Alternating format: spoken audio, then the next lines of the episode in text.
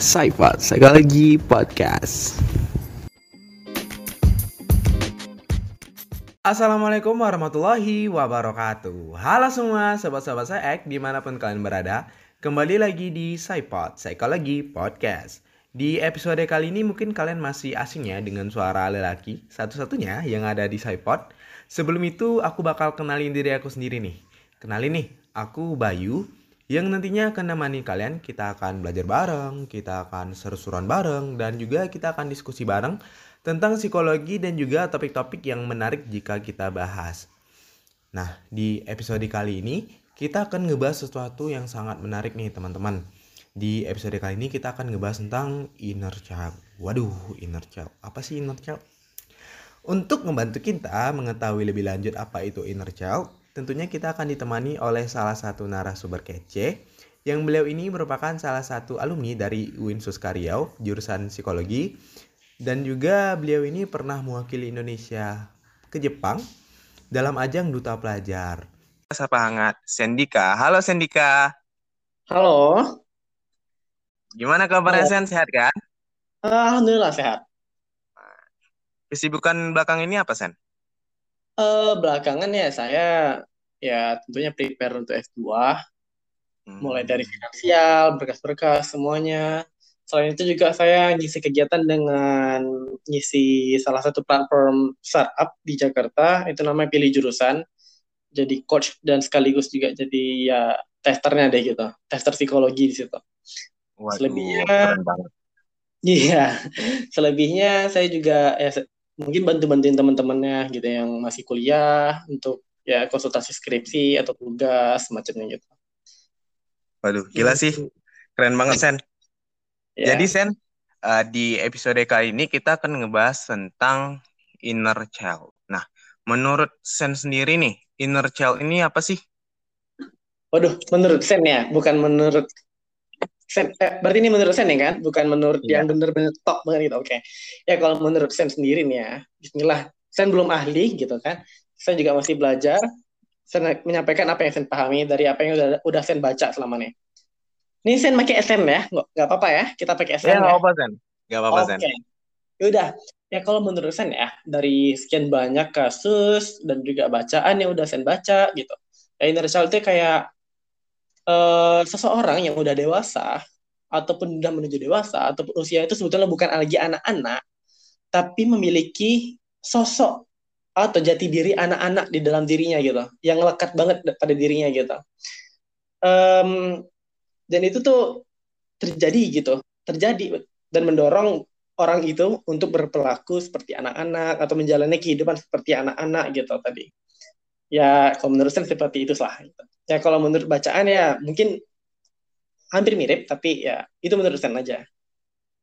Jadi inner child ini sama kayak kejadian di masa anak-anak ya yang mempengaruhi sampai dewasa gitu ya Sen iya jadi jadi gini kayak uh, sosok anak-anak yang melekat pada diri orang yang dewasa karena ada faktor-faktor di masa lalu gitu. Entah itu masalah traumatis ya entah karena fisika kekerasan fisika atau kayak trauma hal-hal yang lain seperti kehilangan keluarga kah atau semacamnya gitu. Jadi ya ada kayak sosok bukan sosok sih maksudnya ada kayak um, jati diri anak-anak yang melekat gitu sama sama seseorang yang sampai dia dewasa gitu.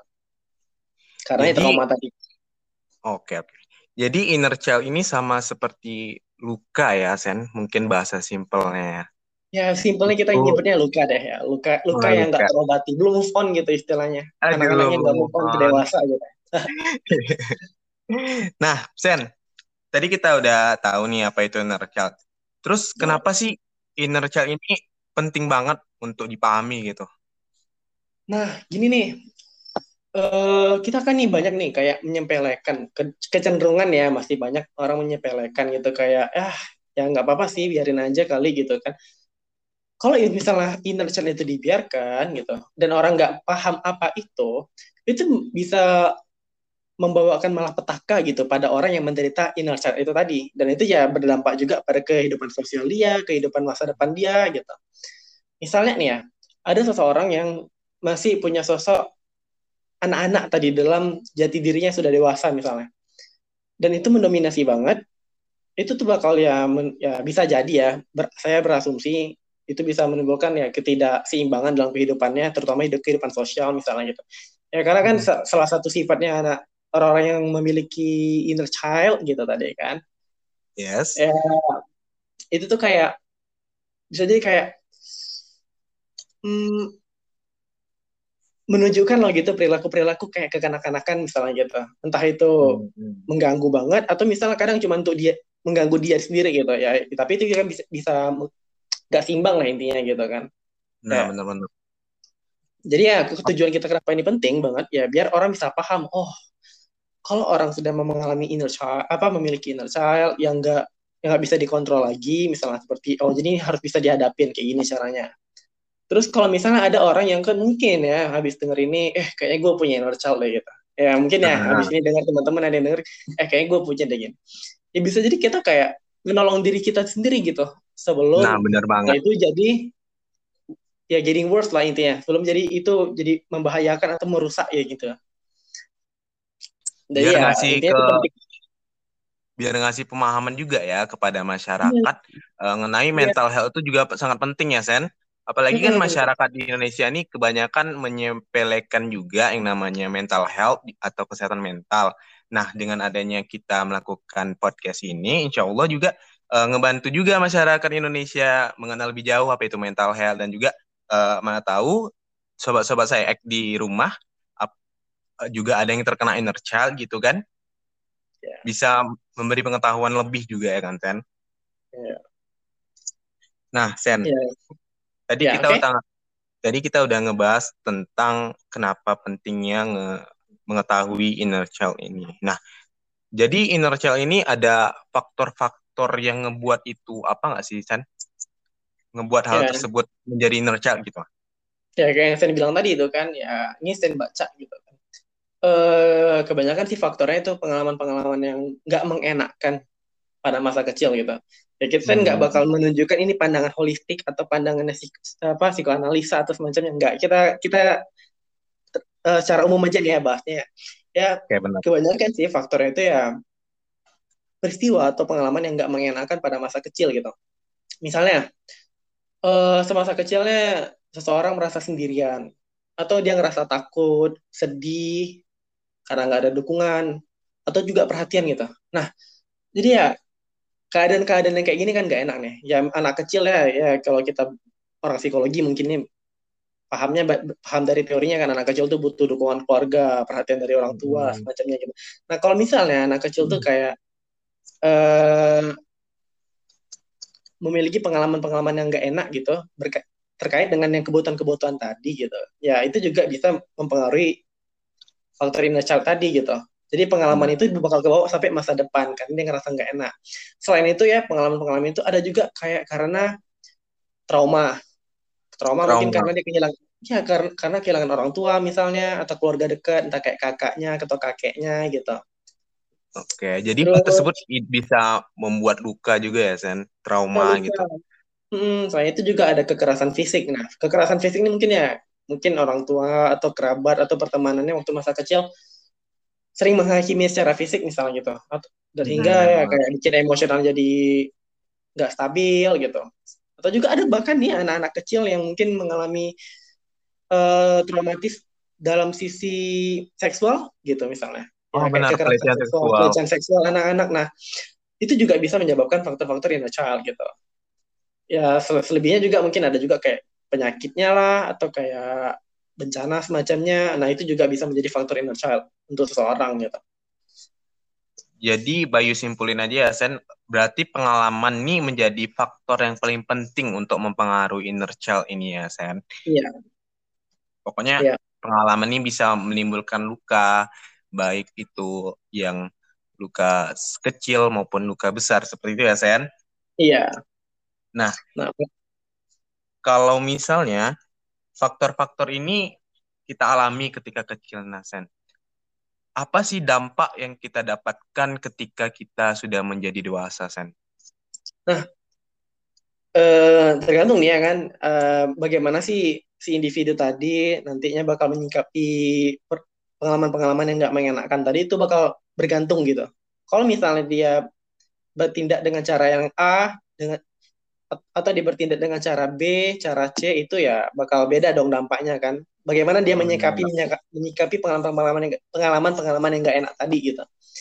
Nah, tapi ya kalau secara umumnya lagi nih ya, secara umum ya, bukan secara yang kayak teoretik banget gitu.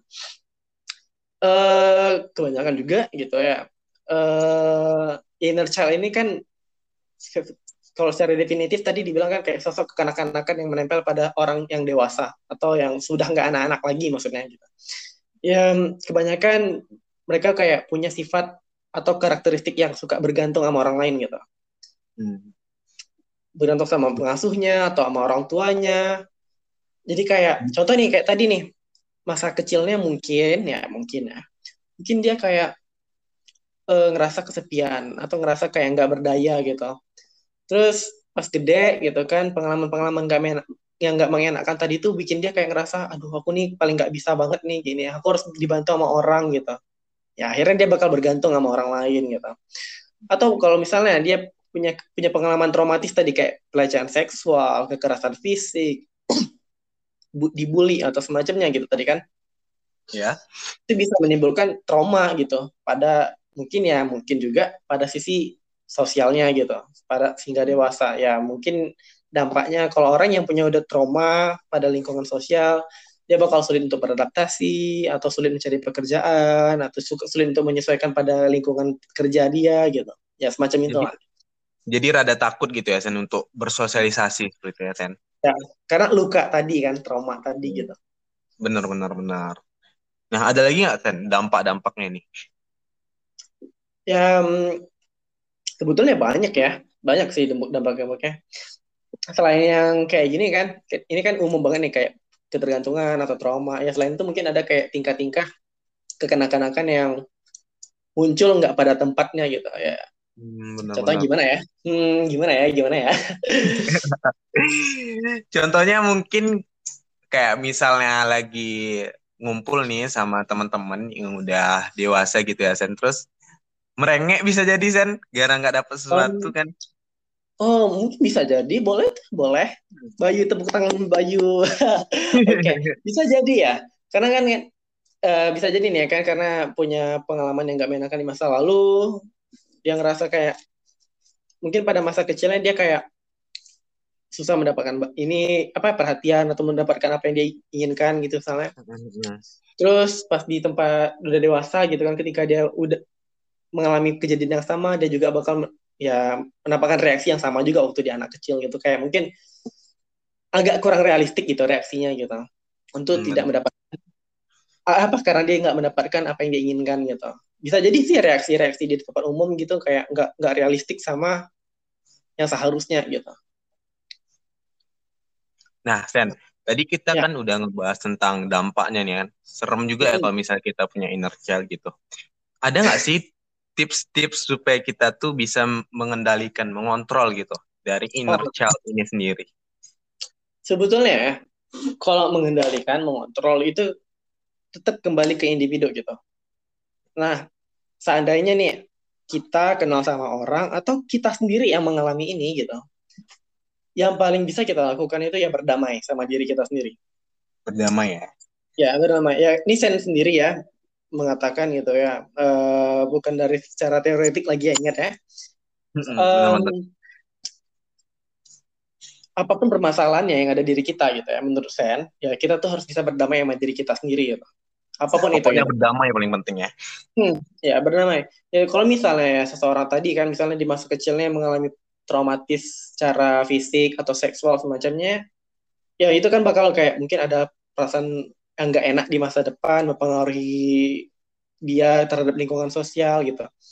Karena dia nggak berdamai dengan itu keadaan itu. Dia nggak menerima keadaan itu. Ya salah satunya untuk berdamai dengan cara menerima. Menerima. Menerima.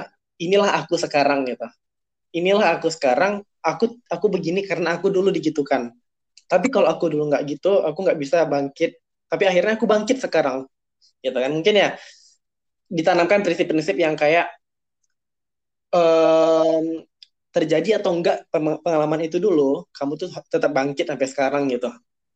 Benar. Menerima gitu. setelah diterima ya mungkin di, lebih dipahamin lagi gitu mengenai inner child-nya mungkin kayak oh sifat inner child yang dominatif banget gitu di diri aku. Mungkin aku ini tipe orang yang kayak merengek ya gitu ya suka ngerengek gitu klingi klingi gitu sama orang gitu. Ya dipahamin. Pahamin kita tuh harus tahu kita itu yang mana satu gitu kan. Mungkin ada yang dominan satu atau misalnya semuanya muncul ya kita harus paham gitu yang mana satu. Jadi kalau misalnya kita paham kita tuh mungkin bisa nyusun strategi lagi buat ke depannya untuk kapan sih kita bisa mengendalikan itu kapan kita bisa harus uh, ya nurutin aja lah mungkin kan sesekali gitu ya gitu iya benar-benar hmm, jadi ya pertama ya diterima dipahami terus juga ya disayangin juga diri itu karena ini kan kayak kita, ya menyayangi diri sendiri lah. Secara love yourself kita, gitu. Mm -mm, sayangi diri kita seperti sebagai orang dewasa dan juga menyayangi diri kita yang inner itu tadi inner kita yang yang childish childish itu tadi gitu. Nah itu disayangin. Karena kalau kita nggak terima dia ya kita makin berkonflik gitu. Kita nggak terima apa kita nggak terima sama sesuatu yang buruk terjadi pada diri kita kita makin makin berkonflik gitu ya uh, tapi kalau kita menerima ya insya Allah ya gitu mungkin bisa meringankan gitu. Nah, kalau selanjutnya sih ya kalau Pokoknya misalnya aspek paling penting apa? Pokoknya aspek paling penting menerima gitu ya, Sen. Nah, penerima. Intinya penerima. Cuman kalau misalnya merasa nih ya, teman-teman ya habis denger ini, mungkin kalau ngerasa ada orang kenalnya atau diri sendiri mungkin yang ngerasa sosok kekanak-kanakan dalam diri aku nih dominatif banget dan aku nggak bisa mengendalikannya, sangat-sangat disarankan untuk pergi ke ahli, gitu ya. Ahli. Ke psikolog atau psikiater atau terapis gitu. Sangat-sangat disarankan. Karena terkadang kita nggak bisa nolong diri kita sendiri, kita juga butuh bantuan orang lain gitu ya. Ya kita mungkin udah berdoa, kita udah berusaha, tapi tetap kita harus pergi ke yang ahlinya gitu. Untuk menolong diri kita tadi. Itu kalau misalnya udah nggak ketolong gitu ya, Sen? ya kalau misalnya dirasa perlu banget dan mungkin ya kayak kita nggak bisa lagi mengontrol dan menimbulkan kayak ketidakseimbangan dalam kehidupan kita ya menurut saya segera pergi ke ahli gitu lebih ahli yang orang ahli pasti lebih tahu banget caranya gitu terapinya gitu urutan cara menanganinya ya pasti mereka lebih hmm. paham gitu kan oke Sen mungkin itu aja ya Sen dari hmm. tips-tipsnya nih kira-kira sih ya Sen itu aja sih ya tapi oh. yang jelas yang jelas ya setelah dengar podcast ini jangan sampai kalian mendiagnosa ya teman-teman mungkin ah. jangan sampai mendiagnosa oh gue tuh punya sisi kanak-kanak lo dalam gue gitu itu sama ntar, kayak ntar, generasi sekarang tuh ya Sen ya self diagnostik gitu kan. Jadi kayak ntar sampai temen apa ber, bermasalah sama temen bermasalah sama keluarga ntar eh itu kata sen gue tuh inner child gue tuh nggak apa-apa kok katanya ya. Gue harus menerima katanya eh, jangan ya jangan kayak gitu. Nggak boleh gitu nggak boleh. ya denger ini ya cukup nambah ilmu terus kita aware. Tapi kalau misalnya ngerasa ya kita coba aja tips yang sen bilang tadi tapi kalau misalnya nggak seimbang apa menimbulkan ketidakseimbangan dalam kehidupan mengganggu gitu kan ya pergi dah ke psikolog gitu atau ke psikiater gitu ya pokoknya jangan self diagnostik jangan self diagnos gitu bahaya tuh bahaya Mm-mm, bahaya banget, bahaya. Oke Sen, dari tadi kita udah diskusi seru nih ya tentang inner child. Jadi inner child ini ibarat seorang yang udah dewasa tapi masih punya sifat yang kanak-kanak gitu karena akibat dari pengalaman dia masih kecil gitu ya Sen. Iya. Nah, kenapa hal ini penting? Karena biar bisa uh, mengendalikan situasi jika pada suatu saat inner child ini terjadi pada suatu situasi seperti itu ya, Sen. Mhm. Lalu faktor-faktor yang mempengaruhi banget nih. Yang penting itu ada pengalaman masa kecil ya, Sen, bener. Iya, pengalaman-pengalaman yang nggak mengenakan intinya ya. Iya, benar-benar. Lalu kita ada trauma juga kalau misalnya kita ketika kecil mengalami trauma-trauma seperti orang tua kita uh, meninggal gitu. Hal tersebut kan trauma yang ngebuat uh, kepribadian kita di dewasa ini jadi terpengaruh gitu ya, Sen. Iya. Nah, lalu dampaknya ini memang, uh, dampaknya sangat sangat krusial ya.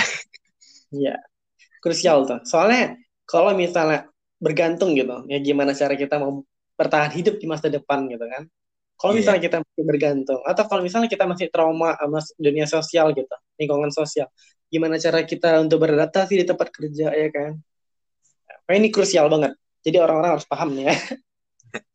Kalau tipsnya nih pokoknya love yourself ya Sen.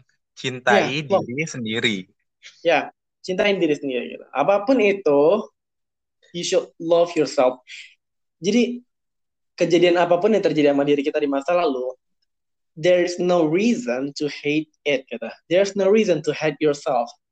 Nah, always benar. always love yourself, accept it, and okay. then be yourself. Jadi sobat-sobat saya act love yourself. yes, love yourself. Kayak seru banget ya pembahasan di episode kali ini ya Sen. Mungkin uh, cuman itu aja ya diskusi kita pada episode kali ini uh, baik teman-teman saya Ek, uh, stay tune, stay healthy, and stay with us. Wassalamualaikum warahmatullahi wabarakatuh.